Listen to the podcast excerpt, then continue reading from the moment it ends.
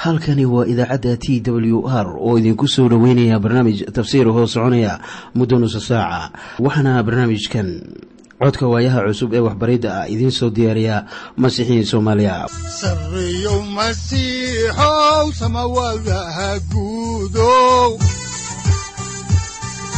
siraadkii adduunkow subanaha eebow sareyow masiixow samawadaha guudow siraadkii adduunkow subanaha eebow adigoo samaada jiro ifkaan soo saldhiganba adigoo samaada jiro ifkaan soo saldhiganba kutubtiisanaye wuxunogu saaciiday sharxin sifahaaga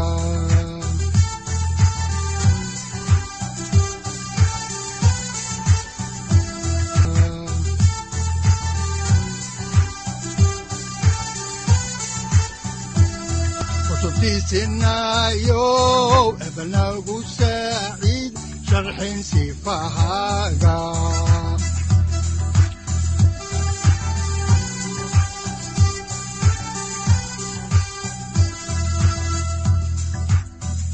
satirow ilaahow adanku su'aalne satirow ilaahow adanku su'aalne waxaannu horay u sii ambaqaadi doonnaa daraasaadkii aynu ka soo xiganaynay kitaabka bilowgii ee loogu magac daray baibalka dhammaantii. Waxaannu caawa idin bilaabi doonnaa cutubka afartan iyo ee kitaabka bilowgii oo ka mid ah kutubta axdigii hore mawduucyada cutubkani ka kooban yahay waxay kala yihiin kow yuusuf oo u yimid aabbihii israa'iil dardaarankiisii laba yacqub oo barakdaynaya ama u ducaynaya manaseh iyo efrayim balse intaayaan idiin bilaabin barnaamijka aynu wada dhegaysanno qasidadan ilaah ammaanka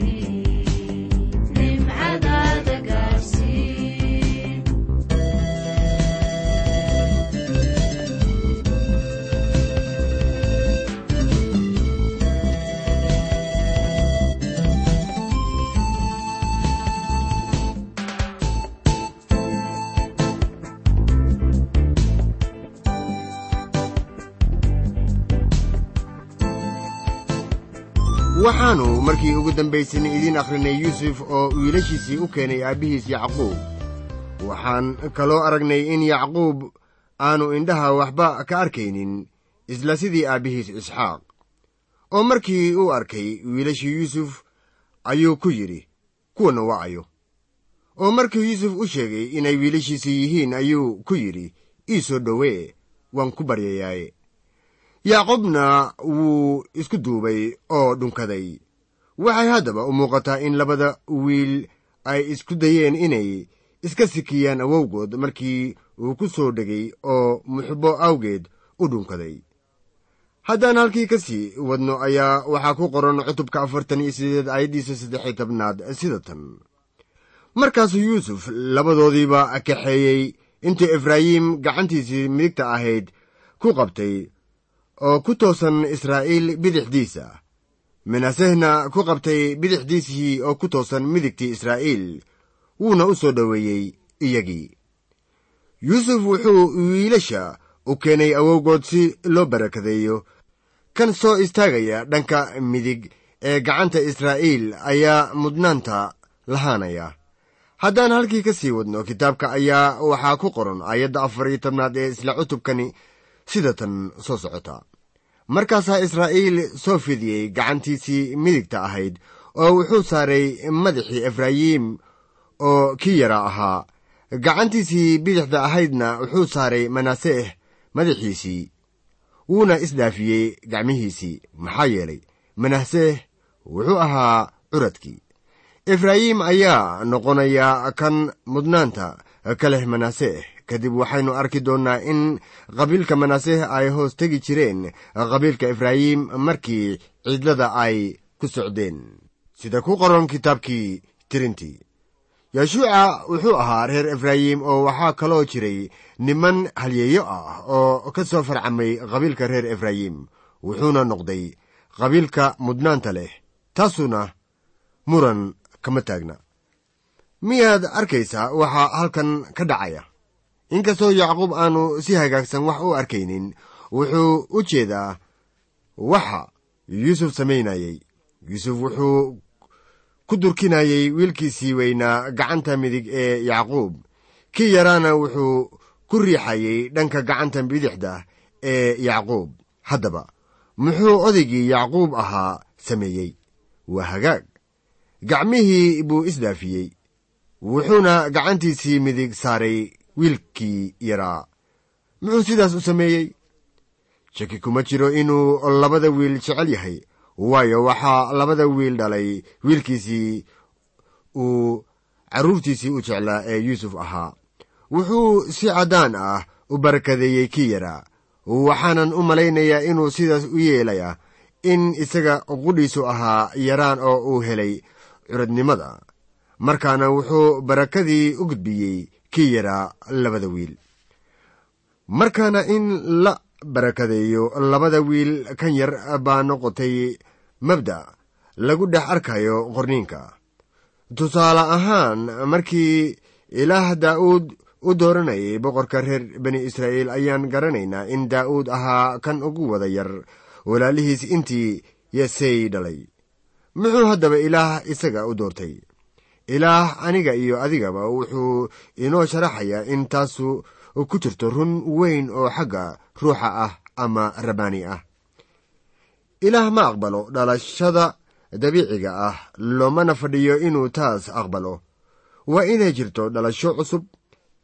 Ilaah dan iyo muraad kama leh dhaqamadeenna ama caadooyinkeenna. Waxaa caado u ah dadka in curadku mas'uul uu yahay qoyska.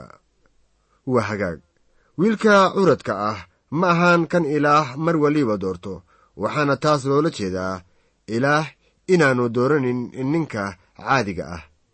Isagu qofka uma doorto awoodda dabiiciyanka ah ee uu leeyahay.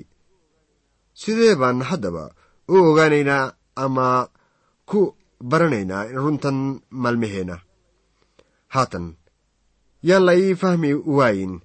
Ilaah wuxuu isticmaali karaa hadiyadaha ama kartida qofku leeyahay laakiin waa in ilaah lagu ammaanaa waxyaabahaasi.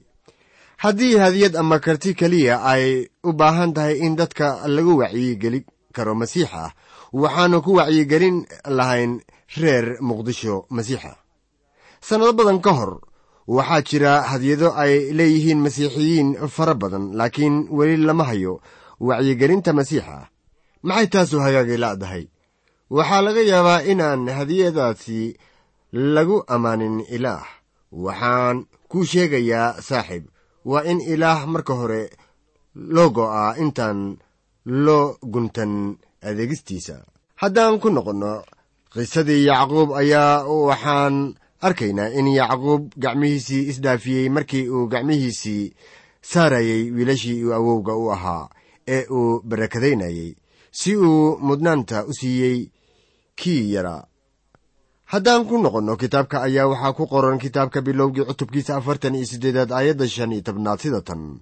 Markaasuu yuusuf u duceeyey oo wuxuu yidhi ilaaha aabbahay isaaq iyo awowgii ibraahim ay ku hor socdeen oo ah ilaaha i quudinayay intii aan noolaa oo dhan ilaa maanta. Halka wuxuu yidhi yacquub ilaahii i quudinayay intii aan noolaa oo dhan. Ilaa maanta saaxib yacquub wuxuu hubaal ahaan gaaray haatan darajo sare marka la eego xaaladdiisii ruux ahaaneed. Haddaan halkii ka sii wadno faallada kitaabka ayaa waxaa ku qoran cutubka afartan iyo siddeedaad aayadda lix iyo tobnaad sida tan. Iyo malaa'igtii iga soo samata bixisay xumaato oo dhan wiilasha ha barakadeeyeen oo magacayga ha lagu magacaabo iyaga iyo magacii aabbahay isxaaq iyo kii awowgay ibraahim oo dad fara badan dhulka ha ku noqdeen. Yacquub wuxuu yidhi iyo malaa'igtii iga soo samata bixisay xumaato oo dhan wiilasha ha barakadeeyeen. Haatan wax uu ku faano ma lahayn oo aan ka ahayn samata bixiyaha la yaab kale. Oo waxay dhulka ku noqdeen dad faro badan sidii yacquub yidhi haddaan mar kale ku noqonno kitaabka ayaa waxaa ku qoran cutubka afartan iyo siddeedaad aayadda toddoba iyo tobnaad ilaa siddeed iyo tobnaad sida tan. Oo markii yuusuf arkay in aabbihiis gacantiisii miigta ahayd efraayim madaxiisa saaray ayuu taas ka xumaaday. Markaasuu gacantii aabbihiis qabtay inuu ka qaado efraayim madaxiisa oo uu saaro manaaseh madaxiisa. Waxaad haatan eegtaa sida yacquub taas kaga jawaabay innagoo eegayna cutubka afartan iyo siddeedaad aayadda sagaal iyo tobnaad waxaana qoran sida tan. Markaasaa aabbihiis diiday oo wuxuu ku yidhi waan ogahay waan ogahay wiilkaygiyow isaguna wuxuu noqon doonaa quruun wuuna weynaan doonaa. Habase yeeshee walaalkiisa ka yar baa ka weynaan doonaa oo farcankiisu wuxuu noqon doonaa qurumo fara badan waxaa halkan ku qoran in efraahim farcankiisii tirabadnaan doono. Waa inoo muhiim inaynu taas ogaanno. Yuusuf waa inuu taas aqbalo waayo isagu ma ahaan curad. Wuxuuna ka mid ahaa kuwa ugu yar wiilashii yacquub oo barakadiina waxaa la siiyey wiilashiisii.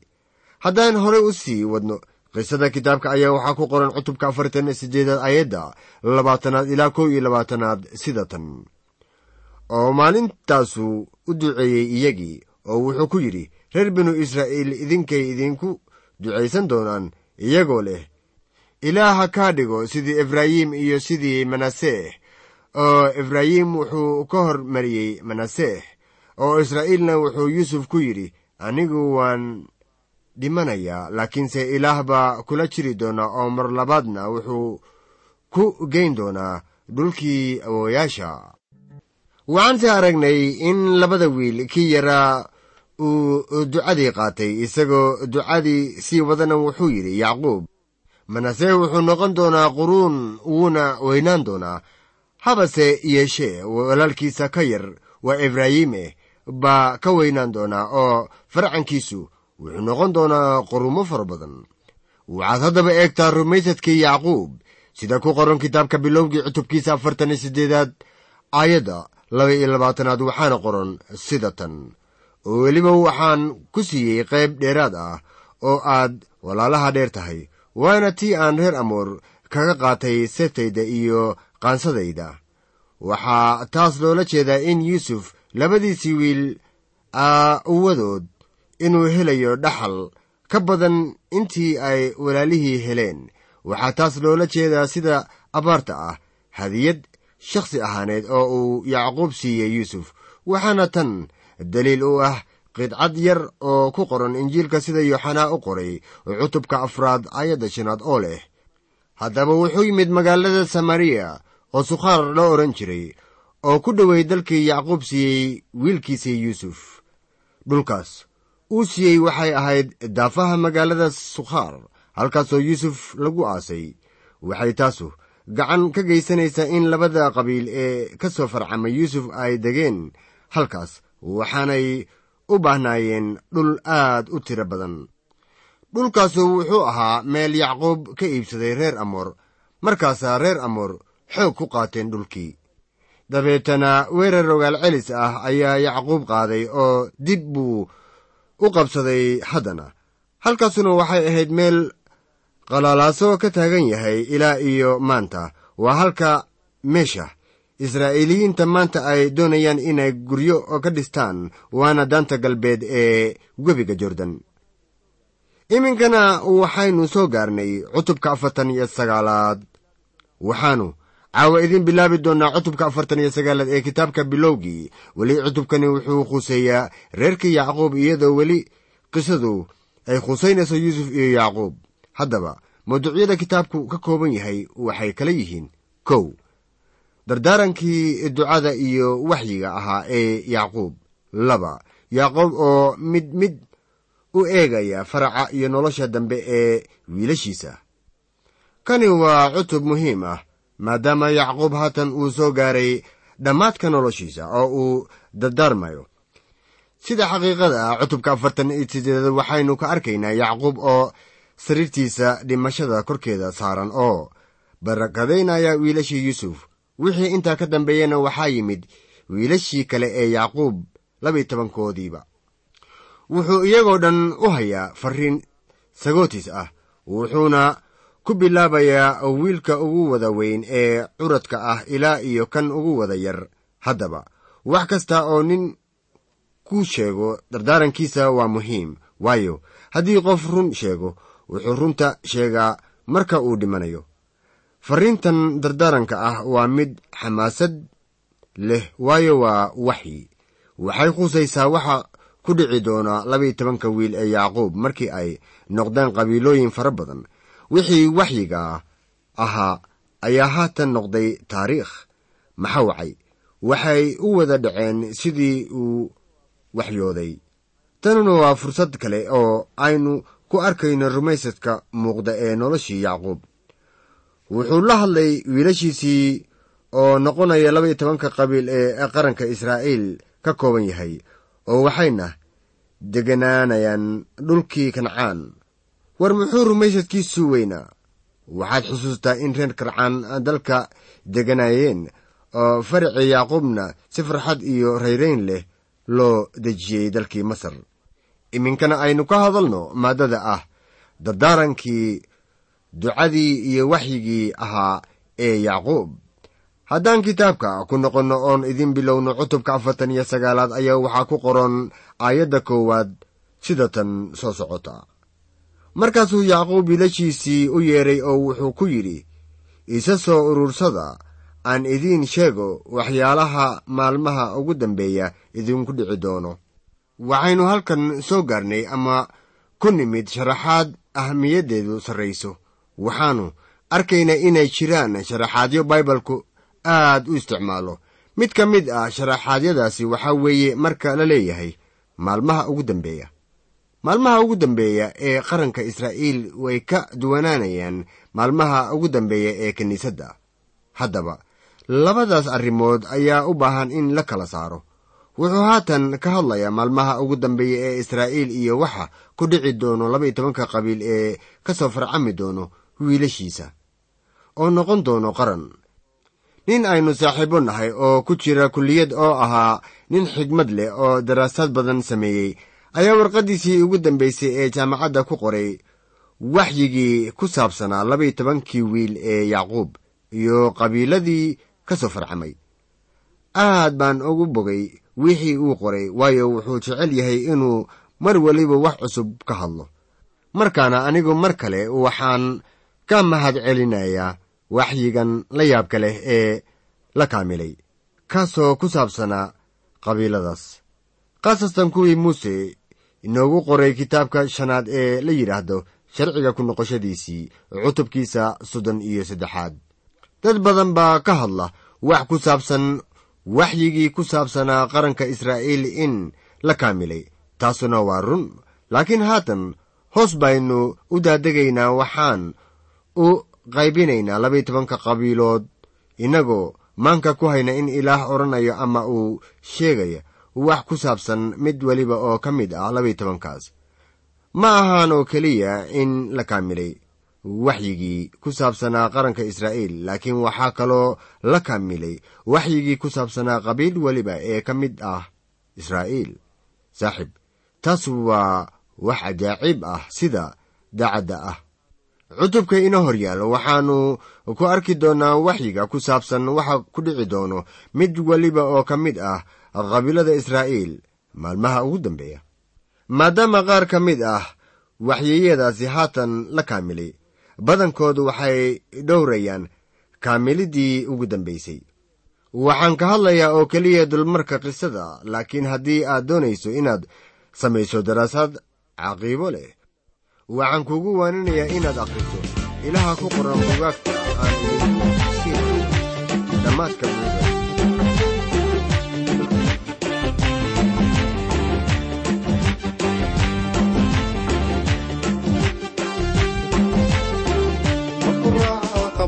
qisaasta arkayne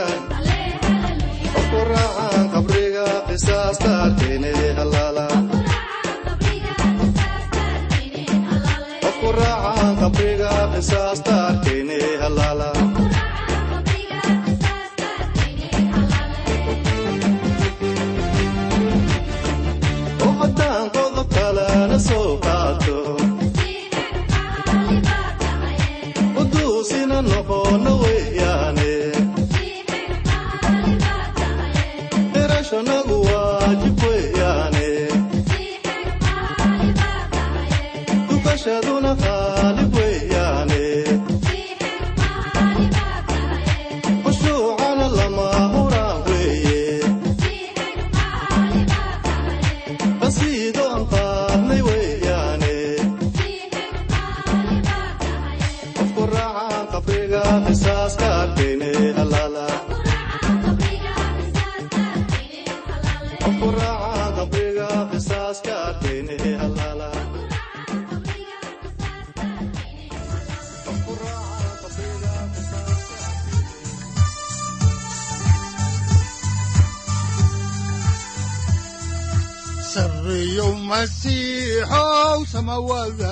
guudow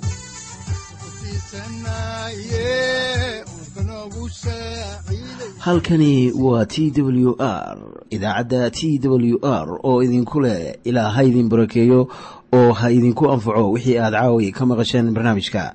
Waxaa barnaamijkan oo kalaa maqli doontaan habeen dambe hadahan oo kale haddiise aad doonaysaan in aad fikirkiina ka dhiibataan wixii aad caawi maqasheen ayaad nagala soo xiriiri kartaan som t w r at t w r c o k e dhegaystayaal haddii aad doonaysaan inaad mar kale dhegaysataan barnaamijka fadlan mar kale booqo www t t b o r g ama www t w r o r g halka sare waxaad ku arkaysaa markii aad gasho language ama luuqadda waxaana dooranaysaa soomaali.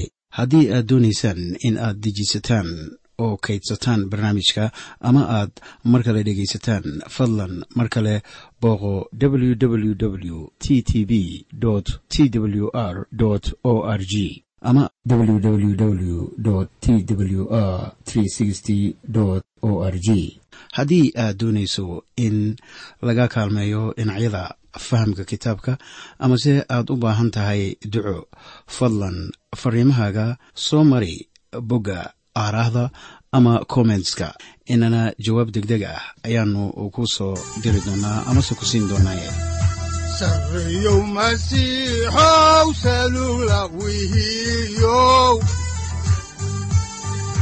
saacadda timid dhulka sabada ku dhalatiyo